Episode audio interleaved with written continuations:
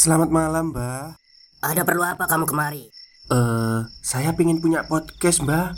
Biar pacar saya makin cinta sama saya. Loh, loh, loh. Mau bikin podcast kok tanya dukun? Sekarang kamu download aplikasi Anchor.fm. Di situ kamu bisa buat podcast gratis dan podcast kamu bisa didistribusikan ke platform mana pun. Dan di aplikasi atau website Anchor.fm juga terdapat fitur-fitur yang memudahkan kamu untuk membuat podcast. Oh, gitu ya, Mbak. Kalau gitu, saya boleh minta password wifi-nya, Mbak. Buat apa? Buat download Anchor.fm, Mbak.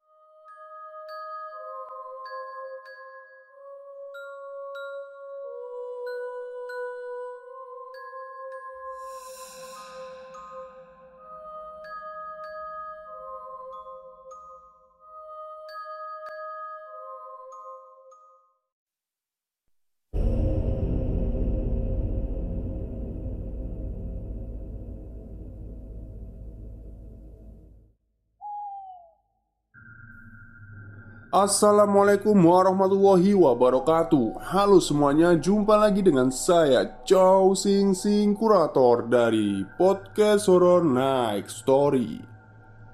Halo, apa kabar semuanya? Semoga kalian semua sehat-sehat ya. Dan pada malam hari ini saya akan melanjutkan tweet Twitter yang kemarin Yaitu dari KKN Desa Prewangan yang dituliskan oleh Mas Rama Atmaja. Jadi ini part kedua dan terakhirnya ya. Oke, daripada kita berlama-lama, mari kita simak ceritanya. Sekitar pukul 3 dini hari, keadaan baru bisa kondusif dan tenang. Teman-teman Ufi yang perempuan sudah bisa tertidur kembali. Sedangkan para mahasiswa masih berjaga sambil sesekali bercanda untuk mencairkan suasana yang tadi terasa tegang. Ketika telah siuman, badan Eli mendadak mengalami demam sehingga tak bisa mengikuti aktivitas KKN di keesokan harinya. Seorang temannya yang bernama Rina dimintai tolong oleh Ulfi untuk menjaga dan menemaninya di dalam kamar. Rina adalah seorang gadis yang periang, tapi semenjak dimintai tolong oleh ketua kelompok untuk menjaga temannya yang sedang sakit, pembawaan Rina menjadi sedikit pendiam. Sebenarnya Ufi pun merasa khawatir dengan keadaan dua orang teman perempuannya yang tiba-tiba bersikap aneh itu. Tapi dia tetap berpikir positif. Dan di kala waktu senggang Ufi pasti menengok Untuk mengetahui perkembangan kondisi dua mahasiswi itu. Dua hari berselang Ufi dan teman-teman lainnya merasa bersyukur Karena Eli sudah sembuh dari demamnya. Dan Rina pun kembali riang seperti semula. Pada hari yang ke-18 kelompok yang diketuai oleh Ufi mengadakan program kegiatan untuk murid-murid SD di kampung itu. Salah satu kegiatannya adalah acara penjelajahan antar SD di beberapa pos. Kegiatan berawal dari pagi hari dan sudah selesai di siang hari. Kelompok Ufi pun akhirnya merasa senang atas kesuksesan acara yang mereka laksanakan hari itu tanpa mendapatkan kendala apa pun. Ya, bisa dikatakan kegiatan tersebut merupakan salah satu program unggulan bagi kelompok mereka. Ketika semua teman-teman Ufi sedang merayakan keberhasilan mereka, tampak Edi yang hanya duduk di teras dengan kepala menunduk. Karena sikap yang ditunjukkan oleh Edi berlangsung cukup lama, Akhirnya salah satu temannya berusaha untuk menghibur dan bercanda. Namun Seloroh yang dilontarkan seperti ejekan dan usil Tiba-tiba saja Edi yang dari tadi diam Langsung bangkit Dan mencekik leher temannya yang usil itu. Teman-teman yang lain melihat kejadian itu menjadi terkejut dan panik Dan berusaha menolong pemuda yang sedang tercekik itu lima orang pemuda berusaha melepaskan tangan dan menarik tubuh Edi yang berpostur kurus. Tapi anehnya, kekuatan yang dimiliki Edi saat itu tak mampu dipatahkan oleh pemuda yang berbadan besar lebih besar darinya, padahal orang lima.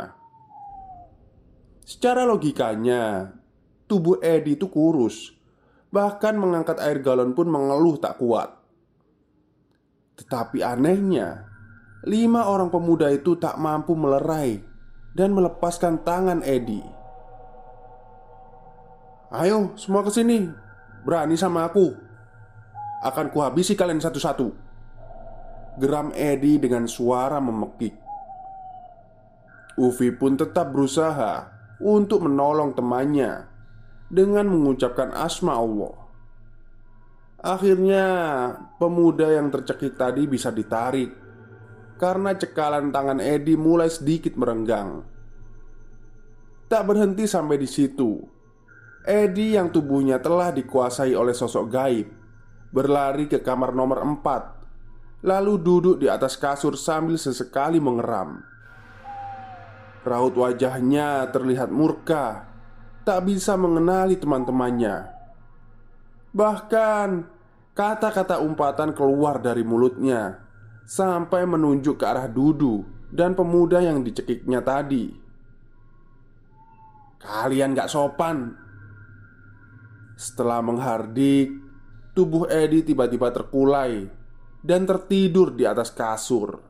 Kejadian tersebut terjadi di sore hari jam 4 Keadaan sudah sangat gelap seperti menjelang maghrib Apalagi cuaca pun sedikit mendung Aduh, kok sampai bahaya begini sih? Apa sebaiknya aku lapor aja ya? Tapi, apa mungkin mereka percaya? Berbagai macam pertanyaan berkecamuk di pikiran sang ketua kelompok karena dia semakin merasa tertekan dan tidak betah atas beberapa kejadian aneh yang membuat dirinya merasa pusing. Ufi lantas menyuruh teman-temannya untuk membiarkan Edi beristirahat. Sedangkan dua mahasiswa yang bernama Dudu dan Eza diajak berbicara di salah satu ruang yang lainnya. Eh, sebenarnya apa yang telah kalian lakukan di rumah ini? Tanya Ufi langsung kepada dua pemuda itu Kok kayaknya aku merasa semua kejadian ini tertuju pada kalian? Lanjutnya lagi Namun Dua mahasiswa itu hanya menggeleng pelan Seperti tak tahu dan tak merasa melakukan kesalahan apa pun Salah satu mahasiswa yang bernama Igun sempat beberapa kali datang ke posko yang pertama, yaitu warung milik Bunarsi. Eh, Naigun, betah kan kalian di situ? Tanya si pemilik warung itu. Ya, dibetah-betahin bu. Ya mau gimana lagi? Jawab si Igun. Kalian jangan sampai berbuat yang aneh-aneh ya di situ. Mudah-mudahan gak ada yang ganggu. Ujar Bunarsi lagi Igun pun terdiam karena tak ingin semua hal aneh yang terjadi diketahui oleh orang lain. Tetapi hatinya sebenarnya juga penasaran dan bertanya-tanya, kenapa Bunarsi sampai bilang begitu. Berbagai macam gangguan dan hal aneh pun mulai sering terjadi setelah hari itu, yaitu seperti ada bayangan yang sering lewat, lalu suara-suara ketukan pintu, bahkan sampah di belakang rumah pun tiba-tiba menjadi acak-acakan. Lalu, hari yang sangat mencekam pun akhirnya terjadi. Pada hari itu, hampir semua mahasiswa harus pergi ke kampus untuk registrasi praktek kerja lapangan. 16 orang teman-teman Ufi yang mengambil di jurusan pendidikan Semuanya meninggalkan posko Hanya tersisa dua orang saja di rumah besar itu Ufi dan Edi Yang mengambil jurusan pertanian Dan tak perlu melakukan registrasi Jadi Di bangunan itu hanya dua orang pemuda saja Yang terpaksa harus jaga posko. Meskipun pada awalnya Ufi juga berniat ingin pergi ke kampus juga Tapi diurungkan sebab tak mungkin meninggalkan posko Karena semua barang mahasiswa ada di sini. Rumah besar dan kuno itu hawanya sudah sangat terasa aneh dan menyeramkan. Saat dalam keadaan kosong Bulu-bulu halus di badan Ufi sering meremang Bila berjalan menuju ke ruang tengah dan belakang, rasanya merinding. Sebagai ketua, Ufi memang terpaksa untuk bertanggung jawab atas segala kondisi dan keadaan. Di dalam rumah yang beraura negatif itu, dia hanya berdua dengan temannya yang bernama Edi. Tetapi lagi-lagi Ufi bernasib sial karena temannya itu ngotot akan pergi ke tempat pacarnya yang berada di posko lain. Meskipun pamitnya hanya sebentar dan di siang hari, namun hati Ufi pun merasa ketar-ketir bila berada di bangunan tua itu sendirian saja. Pada pukul 2 petang, setelah mengurus beberapa program, Ufi kembali ke posko yang tak ada satu orang pun di sana selain dirinya. Untuk menghilangkan kesunyian dan menghibur diri, dia akhirnya berinisiatif untuk bermain game di perangkat laptopnya. Saat Ufi sedang asyik menatap layar benda persegi empat itu, ekor matanya tak sengaja melihat ke arah sampingnya. Ada sesosok tubuh yang tinggi besar berwarna merah, seperti sedang mengawasi dirinya. Sontak dia menoleh namun, sosok itu tak terlihat lagi. Dan ketika kembali menatap layar laptop, sosok itu muncul lagi. Dan kini terlihat tepat di antara lorong antara kamar yang kedua dan yang ketiga. Perasaan Ufi menjadi cemas. Ketakutan pun juga menghampirinya. Apalagi di kamar yang ketiga terdengar seperti ada suara banyak orang. Suara orang-orang ngobrol dan tertawa lah pokoknya. Bahkan ada juga yang menangis. Dan itu langsung membuat jantung Ufi berdegup kencang. Aduh, apes banget gue. Ufi langsung berlari ke kamar Untuk mengambil kunci motor dan helm Hawa di dalam kamar terasa pengap dan panas Sekian lama mencari helm Akhirnya, dia baru ingat bahwa benda itu dipinjam oleh Edi. Dengan tubuh gemetaran, Ufi segera keluar dari kamar itu. Akan tetapi, baru saja mencapai keluar dari pintu, suara tertawa yang nyaring dan melengking di kamar yang ketiga terdengar, dan kejadian aneh berikutnya. Tubuh dan kaki Ufi langsung tak dapat bergerak sama sekali. Aduh, ya Allah, ini kenapa sih? Dia hanya bisa berucap dalam hati untuk meredakan rasa takutnya. Tak berapa lama kemudian, kakinya bisa digerakkan kembali. Tetapi karena rasa penasaran yang memenuhi pikirannya, entah perbuatan bodoh atau konyol, Ufi malah menghampiri pintu kamar yang ketiga itu. Rasa takutnya memang belum hilang, tetapi Ufi tetap membuka pintu kamar dengan tangan gemetar sambil menahan nafasnya. Setelah pintu terbuka, jantung Ufi terasa berhenti berdetak, saking terkejutnya. Sepasang matanya pun terbelalak manakala dia melihat penampakan yang ada di kamar itu. Sesaat, Ufi seperti mematung karena bingung harus berbuat apa. Di hadapannya sekarang ada dua sosok yang sedang duduk di atas kasur usang. Tubuh kedua sosok itu terbungkus oleh kain putih lusuh yang langsung mendongak dan menampakkan wajah ke Ufi. Sekujur badan Ufi bertambah gemetaran Lalu suara teriakan bisa keluar dari mulutnya. Bagaimana dia tidak ketakutan bila dua sosok yang dilihatnya itu menampakkan wajah yang sangat menyeramkan? Kain putih kumal yang membungkus dua sosok itu saja sudah bisa membuat Ufi hampir terkencing di celana. Apalagi saat melihat wajah dua makhluk gaib itu yang sangat hancur. Bahkan bola-bola matanya melotot hampir lepas dari rongganya. Ufi berteriak sekencang-kencangnya hingga dia sampai di luar rumah. Yang bertepatan saat itu adzan maghrib berkumandang. Tanpa pikir panjang lagi, Ufi langsung bergegas menuju ke masjid. Setelah menunaikan sholat, dia bermaksud meminta bantuan kepada salah satu ustadz yang selalu mengajar pengajian kepada anak-anak di kampung itu. Stop, stop. Kita break sebentar. Jadi gimana? Kalian pengen punya podcast seperti saya? Jangan pakai dukun, pakai anchor.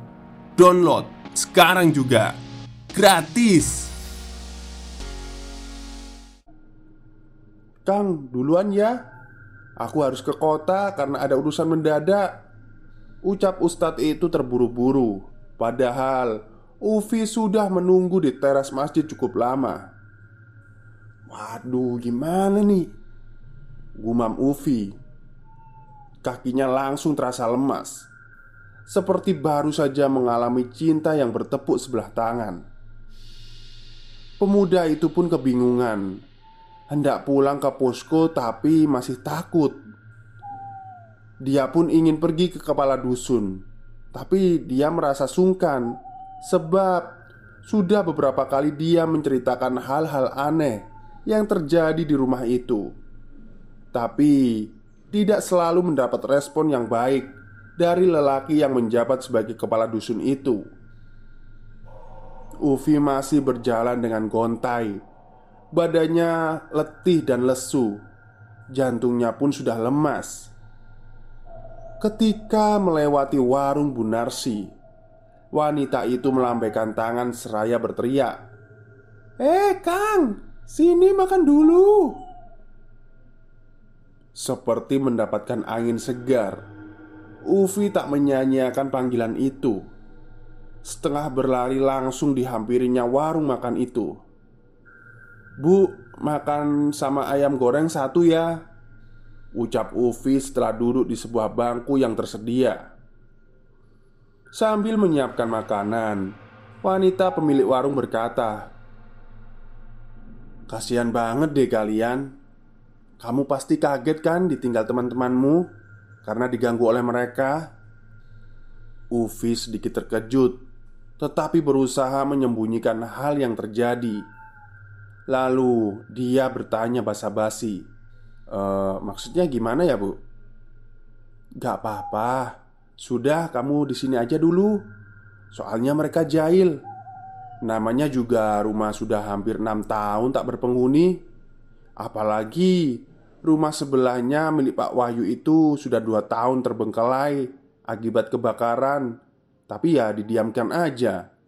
Ya sudah pasti bisa dibayangkan lah Apa saja yang ada di rumah itu Ucap Bunarsi menerangkan. Ufi yang sedang menikmati makanan Hanya menanggapi penjelasan dari Bunarsi itu dengan tersenyum sedikit. Kemudian dengan nada setengah berbisik Bunarsi melanjutkan cerita lagi Rumah itu dulunya milik ibunya Pak Budi Beliau adalah salah satu orang yang terkenal sebagai tukang pijat urut di zamannya. Tapi suatu hari beliau meninggal secara mendadak dan aneh. Ya, banyak sih yang bilang keluarga Pak Budi itu punya seperti peliharaan atau penjaga yang wujudnya buto merah. Makanan di piring telah habis, tetapi Ufi belum mau beranjak pergi. Selain takut sendirian berada di rumah itu, dia juga masih penasaran dengan ceritanya. Nah, dari sini ibu sering melihat beberapa keusilan penghuni makhluk itu. baik yang merah berdiri di depan pintu rumah atau perempuan yang sering usil naik di boncengan motor warga yang melewati rumah itu pada malam hari. Hehe, iya bu, teman kami pernah ada yang kerasukan, tapi untungnya nggak berlangsung lama dia sadar. Timbal Ufi keceplosan. Shh, sudah. Jangan cerita hal itu kepada siapa pun. Simpan saja sendiri kejadian itu dan bisa dijadikan sebagai pelajaran. Bu Narsi lalu segera melayani beberapa pembeli yang baru datang. Barulah ketika adzan Isya berkumandang, terlihat Edi datang dan akan masuk ke posko. Dari tempat Bu Narsi, Ufi melihat temannya itu mengangguk, lalu akan memutar arah motornya. Ed, Ed, kamu mau ke mana lagi? Ufi dengan setengah berlari menghampiri dan berteriak karena tak ingin ditinggalkan temannya itu lagi. "Loh, kamu kok ada di sini, Vi? Bukannya tadi di dalam sedang main game? Kamu tadi malah nyuruh aku beli makanan." Jawab Edi dengan raut wajah keheranan. Secara refleks, Edi langsung menoleh ke arah posko. Dia pun sangat kaget karena dia tadi melihat posko dalam keadaan terang dan terlihat enak dipandang. Tetapi saat dilihat kembali menjadi gelap gulita, sedangkan pintu yang di samping tampak sedikit terbuka. Anjir, mulai lagi Vi Gimana nih? Edi langsung terlihat ketakutan Sudah masuk saja Kita kan berdua Ujar Ufi dia tak ingin bila posko dalam keadaan kosong, sebab masih ada beberapa barang milik temannya. Setelah mengunci pintu kamar, mereka berdua mencoba untuk tidur. Di hari-hari biasanya, mereka selalu tidur larut malam. Di malam itu, baru pukul sembilan, dua orang pemuda itu diliputi perasaan was-was dan ketakutan lebih memilih untuk tidur segera. Akan tetapi, belum sampai terlelap, mereka terbangun lagi karena mendapat gangguan. La ilaha illallah, Ed, Ed, gempa Ed, bangun Teriak Ufi karena merasakan ranjangnya bergetar hebat Keterkejutan Ufi tak sampai di situ Temannya itu memang langsung bangkit dari tidurnya dengan posisi tubuh membelakangi Ufi. Tapi kepala Edi berbalik tanpa memutar tubuhnya. Ufi pun hampir mencekik temannya itu, manakala mata Edi yang melotot berwarna putih semua, mulutnya menganga lebar. Ya Allah, tiba-tiba Ufi dan Edi langsung tak sadarkan diri Ketika siuman dari pingsannya, Ufi mendapati dirinya tertidur di atas lantai, sedangkan temannya masih terlelap di pojokan tempat tidur. Ed, Ed, bangun Ed, kita subuhan yuk. Ufi membangunkan Edi dan perlahan sambil menahan rasa takut. Sepulang dari masjid, mereka tak langsung kembali ke posko tetapi berjalan ke posko yang lain untuk menenangkan diri dan bertemu dengan teman-teman yang berada di tempat yang berbeda. Posko 32 yang ditempati oleh Ufi dan kawan-kawan terletak di desa C, sedangkan yang dikunjungi adalah posko 34 yang berada di desa B. Dua pemuda itu berjalan tanpa berbicara sepatah kata pun. Mungkin Masing-masing masih memikirkan kejadian-kejadian aneh yang mereka alami semalam. Setelah sampai dan bertemu teman-teman yang berada di posko lain, ternyata dia malah mendapatkan cerita-cerita menyeramkan yang juga dialami oleh teman-temannya. Pada awalnya, mereka yang di posko 34, para perempuan dan laki-laki juga disatukan dalam satu rumah Baru dua hari menempati posko Datang seorang tokoh agama setempat Yang menganjurkan agar mereka tinggal terpisah Menurut si bapak itu, tak baik bila lelaki dan perempuan dijadikan satu, apalagi bukan mahram. Teman-teman perempuan akhirnya mencari tempat lain, yaitu rumah yang lebih kecil, tetapi juga merupakan bangunan tua.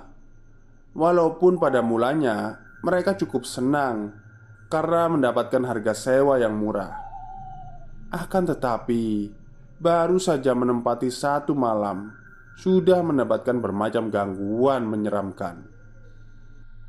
Pada saat hari telah larut, mereka selalu dikejutkan oleh suara benda-benda yang berjatuhan, seperti gelas kaca yang jatuh dan perabotan yang dibanting. Padahal di rumah itu kosong, tidak ada perabotan sama sekali. Dan keesokan paginya, tokoh agama itu datang kembali ke posko dan mengizinkan mereka untuk menempati satu rumah lagi karena merasa khawatir, sebab bangunan tua itu adalah bekas tragedi pembunuhan yang telah menewaskan satu keluarga. Setelah mendengar cerita itu, Ufi dan Edi kembali pulang ke posko mereka dengan perasaan yang bingung dan hati gundah. Ketika keesokan harinya, teman-teman Ufi pun berdatangan lagi Seorang pemuda bernama Igun dengan raut wajah marah menyeret Eza dan Dudu ke ruangan tengah. Kalian tahu, ulah kalian itu benar-benar tidak lucu, bisa bikin kita bahaya. Cecar Igun dengan geram. Ah, ini ada apa ya, Gun? Tanya Ufi yang menyusul ke ruangan itu juga. Ini Eza udah kelewatan batas. Dia beronani di kamar nomor tiga Dan Dudu judi di ruang musola Jadi apa mereka tidak terganggu? Teriak Igun dengan wajah merah padam Hah? Onani? Zah, itu benar Tanya Ufi dengan memendam rasa kesal uh, Maaf pak Itu sudah menjadi kebiasaanku Terkadang Melihat Eli saja, aku langsung terangsang. Jawab Eza dengan menunduk. Ufi tak bisa menahan kegeramannya lagi. Ditonjoknya wajah temannya itu sambil mengumpat. Kamu tahu betapa tersiksanya kita di sini akibat ulahmu itu. Aduh, aku minta maaf, Pak. Ucap Dudu pelan. Aku sudah tidak sopan telah memakai tempat ibadah untuk judi. Tambahnya lagi, setelah hari itu, ketika dua pemuda yang telah mengakui kesalahan itu meminta maaf, tak ada lagi kejadian aneh yang mereka alami, dan keadaan pun terasa lebih tenang dan nyaman hingga sampai saatnya mereka kembali ke tempat masing-masing. Pada saat mereka akan meninggalkan bangunan yang telah ditempati selama 40 hari itu Ufi sempat menoleh ke arah jendela kaca sebelum menaiki kendaraan yang menjemput para mahasiswa Secara samar-samar Terlihat oleh Ufi penampakan wajah seorang gadis yang tersenyum padanya Ufi lantas menghitung jumlah teman-teman perempuan Karena takut kalau ada yang tertinggal di rumah itu setelah mendapatkan jumlah yang pas, Ufi hanya bertanya-tanya dalam hati, "Siapa ya tadi?" Ketika sudah di perjalanan, Ufi dan semua temannya merasa lega karena telah bisa melalui berbagai cobaan yang ada di rumah besar itu, termasuk Eza yang merasa lega tak lagi tinggal di bangunan yang menyeramkan itu. Dia pun akhirnya berani bercerita tentang hal yang dialaminya Yaitu tentang ranjang goyang di dalam kamar nomor tiga Semula dia menganggap bahwa ketika dia tidur merasakan ranjangnya bergoyang adalah ulah dari teman-temannya yang usil Tetapi setelah beberapa hari mengalami kejadian itu Teman-teman sekamar juga mendapatkan gangguan yang sama Dan saling bertanya serta menuduh antara satu dan yang lainnya. Di dalam kamar yang ditempati oleh empat mahasiswa itu memang mempunyai aura yang mistis dengan hawa yang tiba-tiba dingin, lalu berubah menjadi pengap dan panas. Keempat pemuda itu pun tak ada yang mengakui kalau sudah berbuat usil. Malah, salah satu di antara mereka sering merasa ada sesosok pocong yang menindih badannya ketika ranjang tengah bergoyang sambil berbisik di telinga, "Kamu nggak pulang." Semua yang mendengar cerita itu menjadi tertegun, dan tak ada yang berani berkomentar. Seorang mahasiswa bernama Rina akhirnya mengungkapkan kejadian yang pernah dialaminya.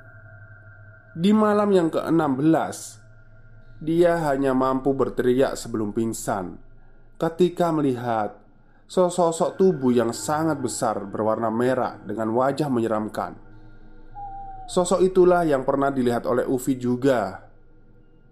Nah, Buto abang itulah yang pernah masuk di tubuh Eli dan Edi Tukas Dani Yang langsung membuat teman-temannya terkejut saling berpandangan sejenak Lalu Ketika mereka melihat beberapa foto yang diambil di ruang tengah Terlihat ada penampakan sebuah kepala berambut panjang Yang berada di antara para mahasiswa itu Namun Mereka merasa bersyukur karena telah bisa menyelesaikan tugas KKN dengan baik. Dani ini merupakan seorang pemuda yang peka tentang hal-hal gaib. Dia bisa merasakan dan melihat sosok-sosok yang tak kasat mata. Uh, sebelumnya, aku ini bisa melihat hal-hal gitu. Uh, banyak penghuni yang ada di rumah itu, dari mulai di sumur, belakang WC, dan di dalam semua kamar. Namun, gak tahu kenapa mereka itu menahan amarahnya. Tapi sebenarnya malu-malu itu merasa terganggu dengan kita. Tapi kayaknya mereka sungkan. Mungkin Pak Kordes lah yang sepertinya membawa penjaga dari rumah sehingga kita semua tak sampai mendapatkan gangguan yang berakibat fatal dan yang bisa dijadikan pelajaran buat Eza dan Dudu juga termasuk kita semua harus menjaga perilaku di tempat lain kata Dani sesaat kemudian mereka yang masih duduk di kendaraan meririk ke arah Ufi Sedangkan yang merasa diperhatikan masih diam dan bertanya-tanya dalam hati Penjagaan Aku aja nggak pernah suka dengan hal yang kayak gitu. Bagaimana mungkin aku memiliki penjaga? Kata Ufi dalam hati. Dan kamu jangan ngarang. Aku nggak pernah tuh suka hal-hal kayak gitu. Cetut Ufi.